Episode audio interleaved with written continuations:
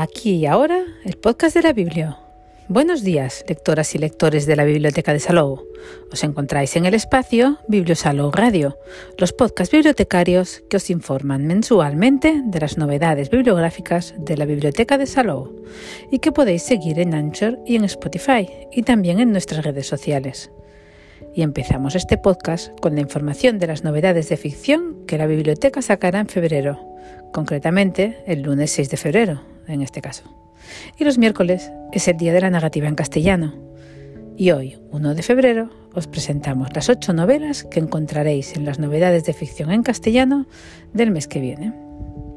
Escuchad y tomad nota, que empezamos. Empezamos las novedades de este mes con un nuevo libro de Donato Carisi, un thriller turbio, oscuro y lleno de enigmas, con el que Donato Carisi se acerca a la perfección, en palabras de Javier Castillo. El hombre del laberinto empieza con una mujer que se despierta en un hospital, completamente desorientada. El doctor Green, sentado junto a ella, la devuelve a la realidad. Su nombre es Samantha y desde que la secuestraron, siendo una adolescente, ha vivido encarcelada. Pero ahora ha escapado. Ya no tiene 13 años, sino 29, y solo podrá dar caza a su secuestrador en su mente. Y cuando se adentre en el laberinto, la oscuridad lo inundará todo. Este mes de noviembre podéis encontrar en la biblioteca el esperado debut narrativo de Lucía Chacón, creadora del espacio de costura de Instagram Menudo Numerito.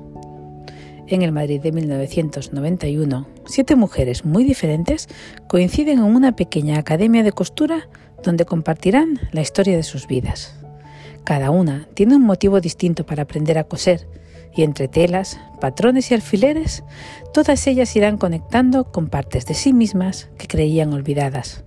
Descubrirán el poder, terapéutico de la amistad entre mujeres y, puntada tras puntada, hilvanarán el relato de sus amores, dolores y secretos familiares. Siete agujas de coser es una historia inolvidable que nos muestra que en la costura, como en la vida, casi todo tiene remedio, que equivocarse y aprender van de la mano y que cada puntada siempre encierra una enseñanza. Seguimos las novedades con la esperada continuación de Romper el Círculo, el bestseller de, Colin Hoover. Volverá a empezar, alterna entre las perspectivas de Lily y Atlas y continúa justo donde nos dejó Romper el Círculo. Descubriremos más sobre el pasado de Atlas y seguiremos a Lily en busca de una segunda oportunidad de encontrar el amor verdadero, mientras tiene que lidiar con un exmarido celoso. Lily y su exmarido Rael acaban de pactar la custodia compartida de su niña cuando Lily se encuentra de nuevo con su primer amor, Atlas. Después de casi dos años separados, está entusiasmada porque por una vez el tiempo está de su lado e inmediatamente dice que sí cuando Atlas le pide una cita. Y en este mes de febrero contamos también entre las novedades con la nueva novela de Ragnar Johansson, el maestro de la novela negra nórdica. Y estrenamos serie, la de la inspectora Hulda. En La Dama, Hulda Hermansdottir es una de las mejores investigadoras de la policía de Reykjavik. A pesar de ello, recién cumplidos los 64 años, su competencia y compromiso con el cuerpo parecen no haber bastado. Su jefe quiere que se jubile antes de tiempo pero Hulda lo ha dado todo por su carrera y la perspectiva de dejar un trabajo al que se ha entregado en cuerpo y alma la inquieta. Justo antes de partir, la autorizan a encargarse de un último caso de su elección. Hulda tiene claro qué informe reabrir. Tiempo atrás, una mujer fue hallada muerta en una bahía cercana a Reykjavik. La investigación, cerrada de manera abrupta por parte de un compañero, nunca llegó a buen puerto y el caso fue declarado no resuelto. Ahora Hulda se encargará personalmente de ello con solo un objetivo, dar con la verdad. Y solo tiene 15 días para lograrlo.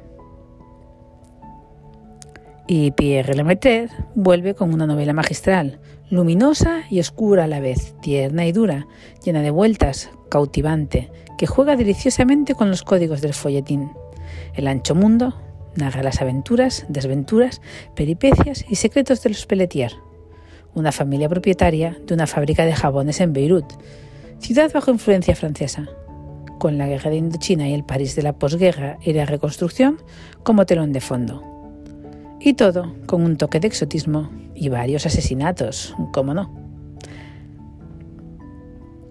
Y seguimos las novedades con la esperada tercera entrega de la serie protagonizada por Anne Cestero y escrita por Ivonne Martín, que ha vendido más de 200.000 ejemplares.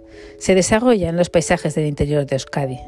El ladrón de rostros nos muestra un escenario sobrecogedor, en el que la unidad de homicidios de impacto deberá atrapar a un asesino en serie bautizado como el apóstol. En Sandaili, una humilde ermita excavada en la roca, ha aparecido el cuerpo mutilado de una mujer, asesinada mientras practicaba un antiguo rito de fertilidad. Su torso ha sido abierto y vaciado, y las manos colocadas a ambos lados de su abdomen en actitud de entrega. La escena reproduce, con macabra exactitud, las figuras de los apóstoles que Oteiza esculpió en la fachada de la Basílica de Aránzazu. Las pruebas señalan que alguien realizó una copia de su rostro en el momento exacto de su muerte. Os presentamos también la nueva novela de Álvaro Pombo, Santander 1936. El protagonista de esta novela se llama Álvaro Pombo Caler y amigos y familiares lo llaman, aunque a él no le haga gracia, Alvarito o Alvarín. El Álvaro Pombo Caler de la novela, tío carnal de nuestro Álvaro Pombo autor, tiene 19 años en 1936. En el Santander provinciano de aquel entonces arde, como en toda España, la confrontación izquierda-derecha los encarnizados debates intelectuales y las exaltadas proclamas políticas. Alvarín, con su fervor juvenil y su admiración por José Antonio Primo de Rivera, se afilia a Falange Española en 1934. Su padre, Cayo Pombo Ibarra, es un liberal agnóstico y republicano, admirador de Manuel Azaña. La madre de Alvarín, Ana Caller, don Esteve, la célebre Ana de Pombo, triunfadora en la moda parisina de esos años, ha dejado a su marido Cayo en Santander y ha distribuido a sus hijos en colegios ingleses y franceses.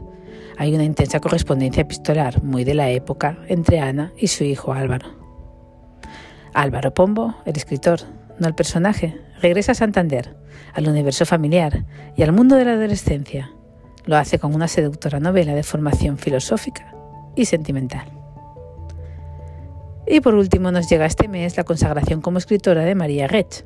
Después del gran éxito de Papel y Tinta y una promesa de juventud, en su nueva novela, Los mil nombres de la libertad, la escritora vuelve a hacer el arte de rigor histórico y de una documentación profusa para construir tres vidas marcadas por las consecuencias de la Guerra de la Independencia y el nacimiento del Estado liberal un viaje trepidante por la España de principios del XIX, Madrid, Cádiz, Salamanca, Sevilla, Aranjuez, Asturias, en un momento crítico de unión y división.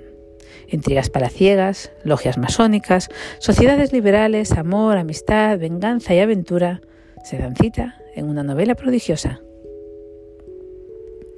Y hasta aquí el podcast de hoy en el que os hemos hecho un pequeño repaso de todas las novedades de narrativa en castellano, que estarán, como siempre, disponibles para vosotros, lectoras y lectores de la Biblioteca de Salou, el primer lunes de febrero. Que tengáis muy buen día y muy buenas lecturas que os acompañen en el día a día.